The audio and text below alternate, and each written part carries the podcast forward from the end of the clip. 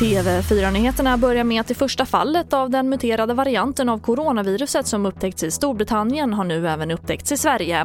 Det är en person i Sörmland som rest från Storbritannien hem till Sverige för att fira jul som är smittad. Och mer om det här och en pressträff med Folkhälsomyndigheten kan du se på tv4.se.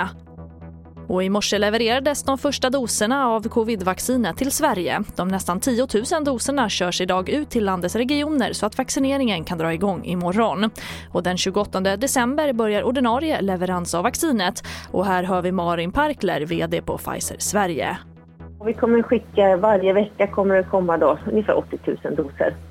Det kommer ju successivt öka då. Det kommer det vara 80 000 ungefär några veckor framöver Sen kommer successivt öka i mängden doser som kommer till Sverige. Och Snapchat ska börja samarbeta med polisen för att spåra pedofiler som använder appen för att komma i kontakt med barn, det skriver SvD. Tidningens granskning har tidigare visat att det under ett drygt halvår kom in 392 polisanmälningar gällande sexualbrott mot barn via appen. Och enligt polisen kommer samarbetet leda till att det blir lättare att få ut kontoinformation om misstänkta förövare.